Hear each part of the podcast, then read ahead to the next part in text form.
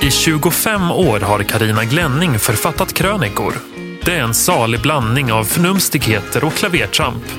I podden Glennings gliringar läser Karina en handfull av dessa per avsnitt. Mycket nöje! Hej i stugorna! Här kommer avsnitt 56 av Glennings gliringar.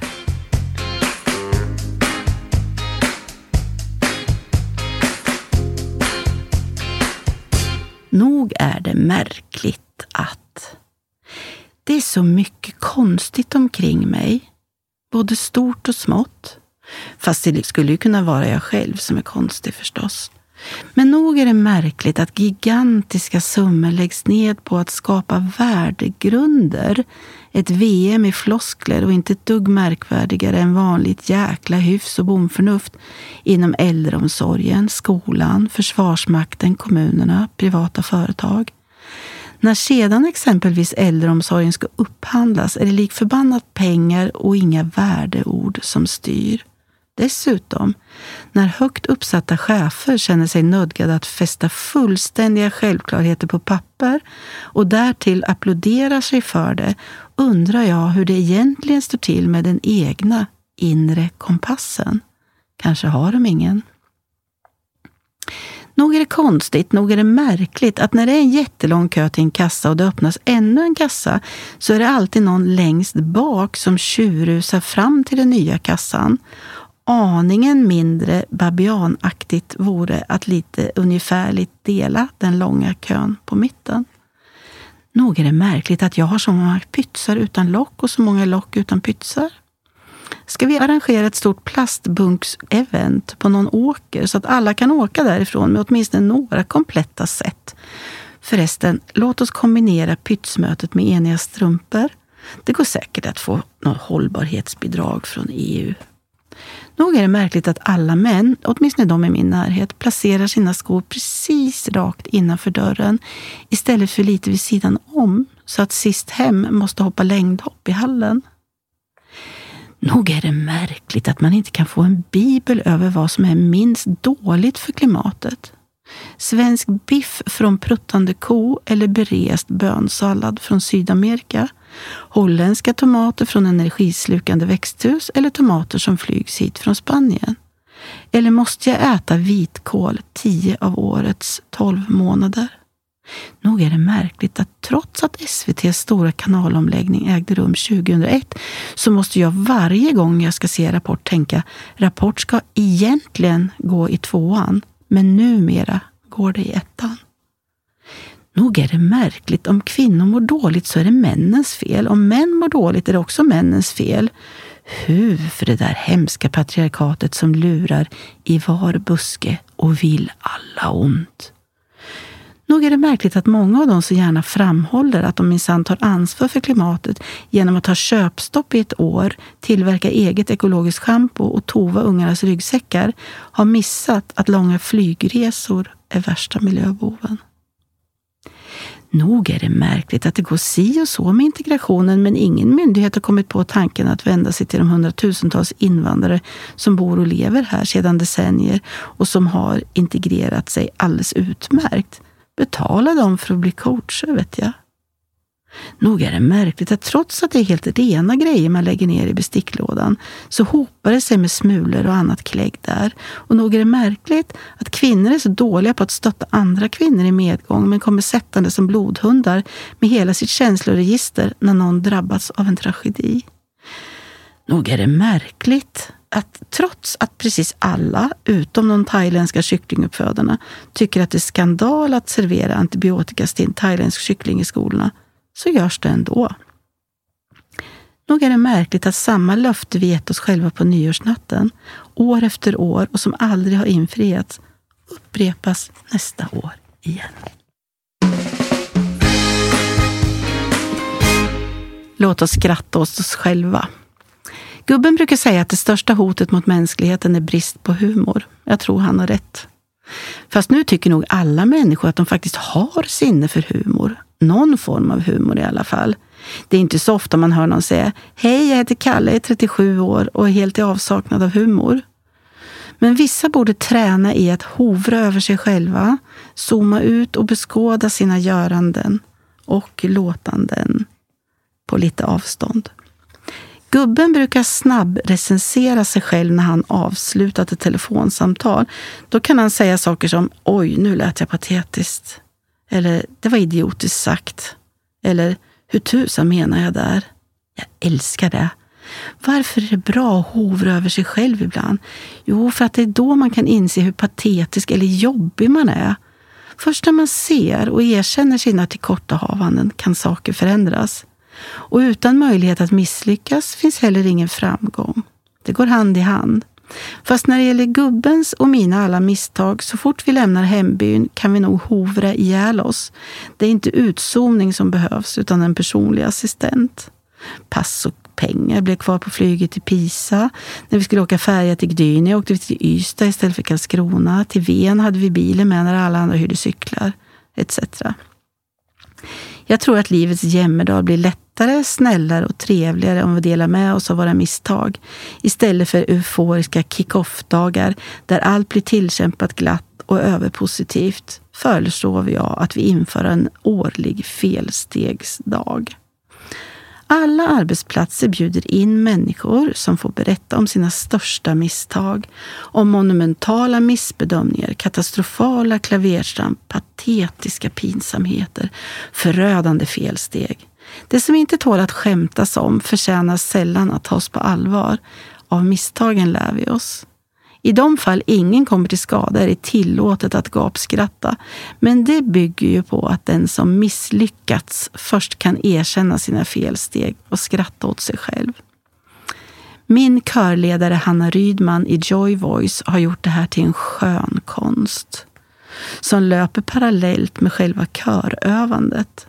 Hon skrattar ofta åt sig själv, men lika gärna åt oss i kören när vi missuppfattar henne, gör taffliga danssteg eller bara ser ut som en flock fågelholkar. Hon härmar oss kärleksfullt och överdrivet och till slut skrattar alla, både åt och med varandra. Det är galet roligt. Rejäla flatgarv kan försätta berg och spränga förlamande fördämningar. Så det gäller att stå emot idéer om att glädje är liktydigt med flams, trams och brist på seriositet. Vad vi gör med de humorbefriade tråkmånsarna som inte tål att bli skrattad åt, ja, de är verkligt livsfarliga. De hotar övrigas existens. De skickar vi på skratta åt dig själv-kurs. Om de vägrar så gör vi biogas av dem. Humorbefriade saknar självdistans och tar inte bara sitt uppdrag utan även sig själva på extremt stort allvar. De har ofta en fanatisk inställning till sitt kall och en grandios självbild. Därför är de också snarstuckna och lättkränkta. De har aldrig fel, är aldrig löjliga. Att skratta åt dem är livsfarligt. Det är som att reta en skadeskjuten tiger. Skratt utsöndrar både dopamin och endorfiner.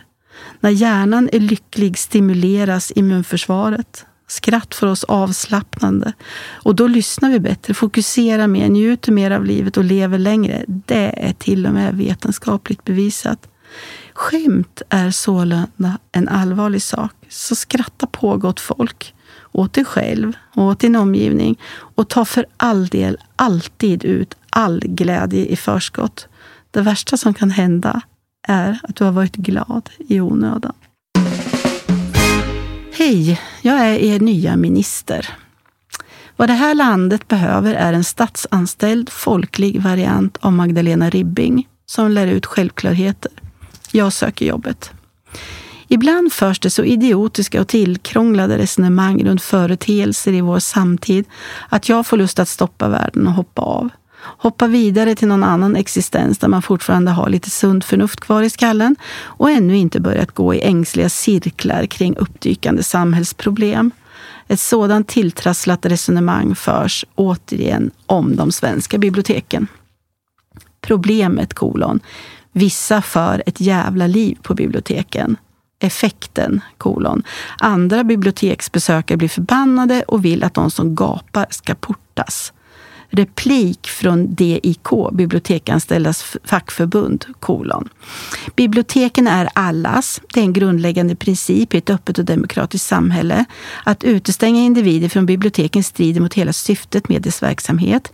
Men för att biblioteken ska kunna vara öppna demokratiska rum för alla krävs det att samhället tar ansvar för de människor som behöver deras stöd och hjälp.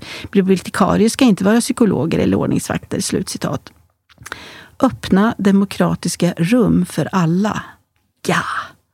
Vi fullständigt slår knut på oss för att ingen individ någonsin ska känna sig exkluderad från en endaste vrå av landet. Och i de fall människor inte alls känner sig kränkta så finns det andra som gladeligen gör det å deras vägnar. Ursäkta, men sedan när behövs det psykologer för att be människor hålla klaffen? Det mest basala, det mest lättlösta problem lindas in i så mycket mumbo jumbo att det till slut kommer att behövas en statlig utredning som grottar ner sig i ärendet under en sjuårsperiod. Sedan presenteras en avhandling lika full av självklarheter som havens betydelse för sjöfarten, men nu med rubriken Tystnadens betydelse för koncentrationen. Vem är det som blir kränkt här? Den som portas från biblioteket eftersom han, hon tror att det är en fritidsgård, eller den som inte kan vistas på biblioteket för att det inte går att läsa där. Nu finns det visserligen de som hävdar att, att de koncentrerar sig alldeles utmärkt på en komplicerad rotekvation samtidigt som de har musik på högsta volym i öronen. Men innan hela befolkningen befinner sig där gäller följande. På bibliotek talar man tyst. Anledningen är att bibliotekens primära uppgift är att erbjuda människor läsning. Det är svårt att koncentrera sig och läsa när människor skriker omkring en. Punkt. Medan Magdalena Ribbing fördjupar sig i var förrättsgaffeln placeras i förhållande till huvudrättsgaffeln, hur man korrekt angriper ett ostron och vilka släktingar som placeras var på begravningskaffet, ska jag på ett handfast och lättfattligt vis lära ut hur vanligt folkvett kan se ut i olika offentliga rum. När jag är klar kan landets samtliga värdegrunder eldas upp. Efter att ha författat den första lilla vett och etikettboken, som heter Håll truten på bibliotek, går jag vidare till att förklara vad poängen är med att duscha före bad i simhallen, det snuskiga i att ha kalsonger under badbrallorna samt att det inte är okej att tafsa bara för att alla är lättklädda. Sen kommer barn på restaurang, kasta kepsen på jobbintervjun, så beter vi oss i kassakön, baconchips, inget bra biogodis, killar, sluta visa arslet, och så vidare. Japp. Då återstår bara att få regeringen att inse att tillsättandet av denna bondförnuftsminister brådskar. Här brinner i busken.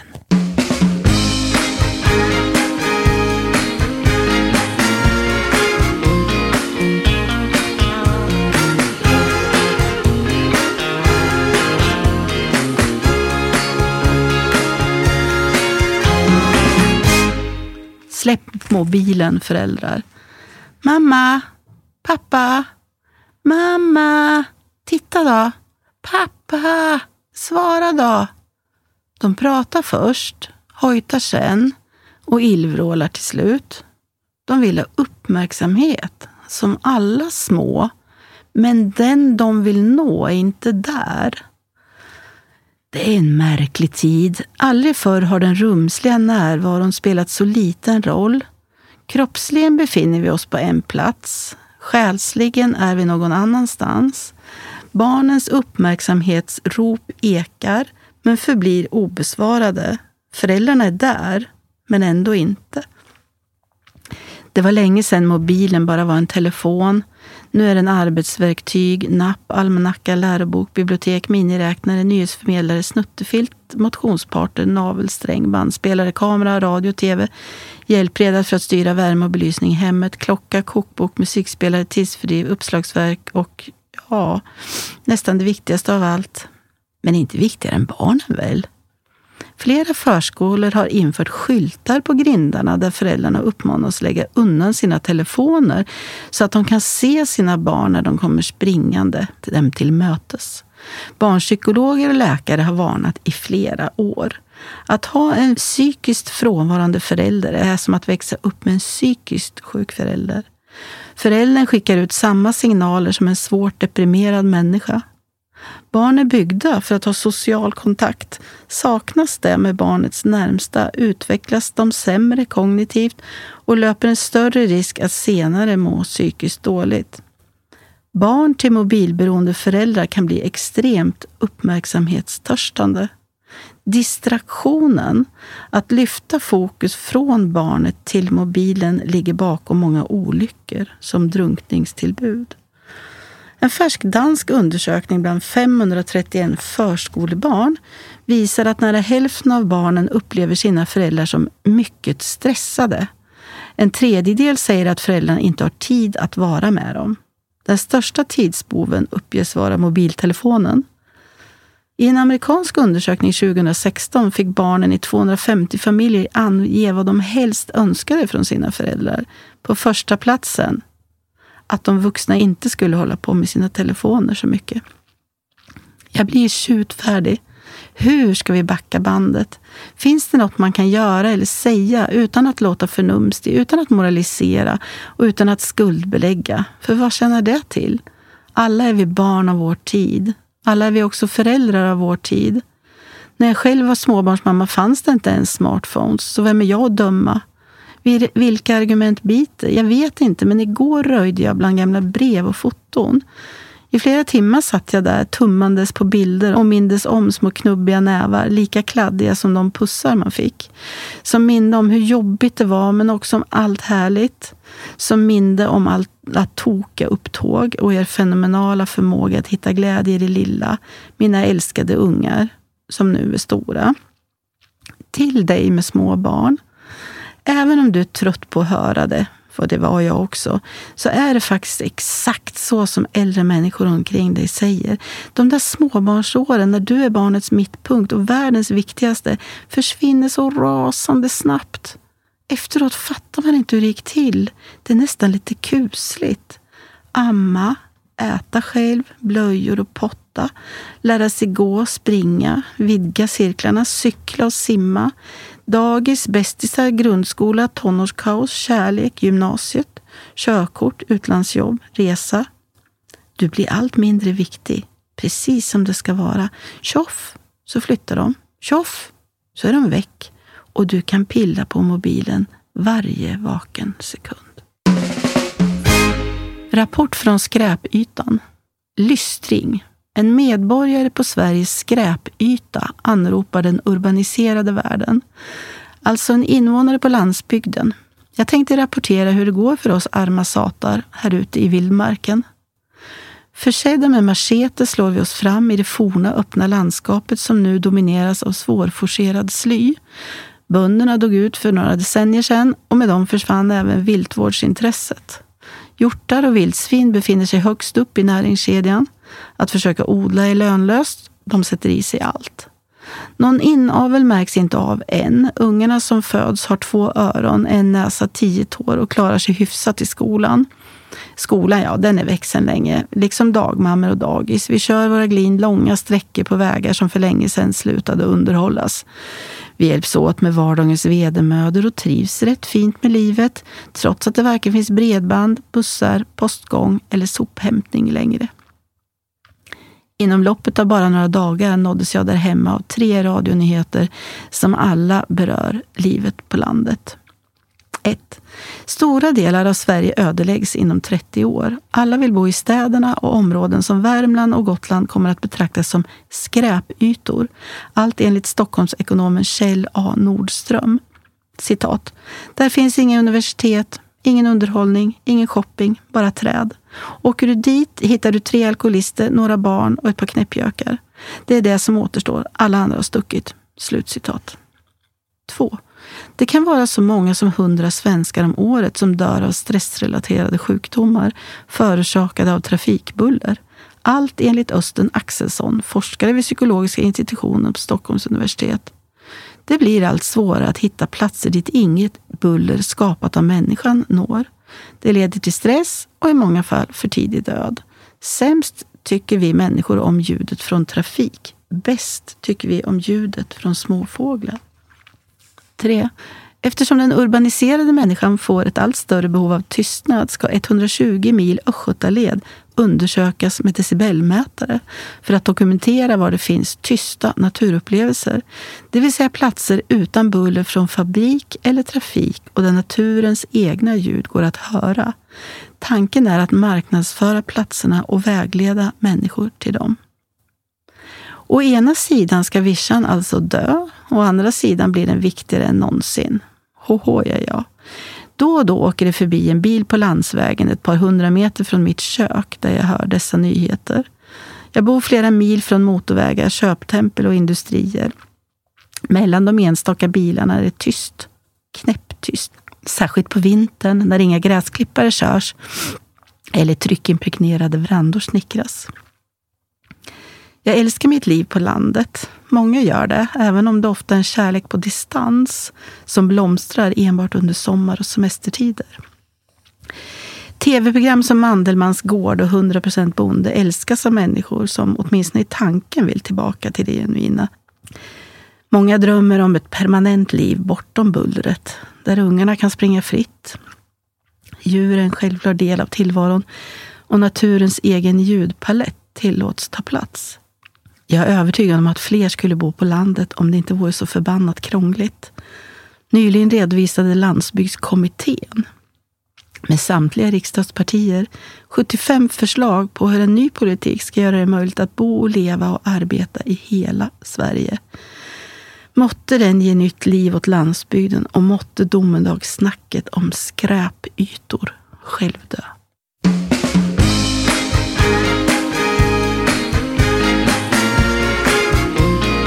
Har lyssnat på Glennings gliringar. Ansvarig utgivare, Christer Kustvik.